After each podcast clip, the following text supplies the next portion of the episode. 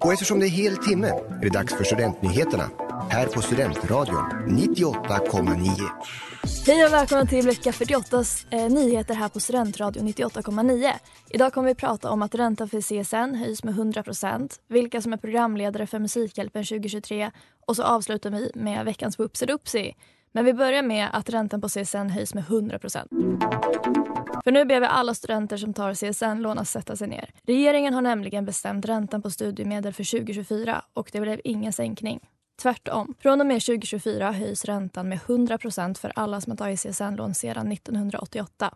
Vem tyckte det var en bra idé kanske många studenter undrar. Men CSN förklarar höjningen så här på sin hemsida. Räntan beräknas utifrån statens upplåningskostnader de senaste tre åren och subventioneras sedan med 30% De senaste åren har ränteläget stigit vilket också har lett till en höjd studielåneränta. Vad betyder det här för studenter då? Om du har ett studielån som är mindre än 232 000 kronor förlängs återbetalningstiden. Har du ett högre lån kommer summan du behöver betala tillbaka varje månad höjas. Vill du hitta mer information om hur mycket det här kommer påverka just ditt lån så finns all information att hitta på csn.se.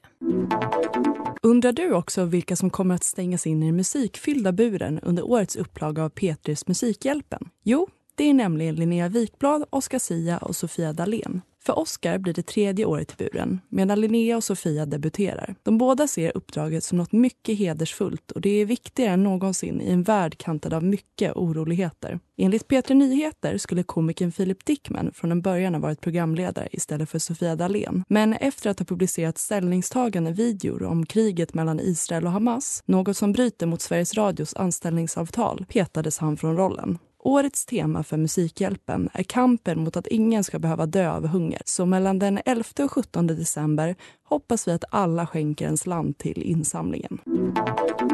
Ingen Uppsalabo kan ha missat snön som föll under måndagsnatten och tisdagen och som nu resulterat i att både snöänglar och längdskidåkare kan skymtas i centrala Uppsala. Men snön har inte gett alla glada leenden på läpparna utan bussarna och tågen fick i vanlig ordning problem och polisens presstalesperson Magnus Jansson Klarin uppmanade allmänheten att stanna hemma. Några som inte lyssnade på detta var studenterna som köade till Stockholms nations lussebiljetter. Veckans Whoopsie går därför till Stocken som återigen lyckats tajma in ett köande med snöoväder. Likt de senaste två årens kö till valborgsbiljetterna. Ja, vad ska man säga? Man gidrar inte med traditionerna och det gör verkligen inte Uppsalas nationer. Men det är väl lite charmigt också.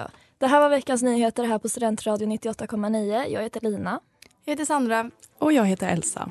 Vi hörs nästa vecka igen, men tills dess kan ni gärna följa vår Instagram studentnyheter.98.9. Hej då! Hej då!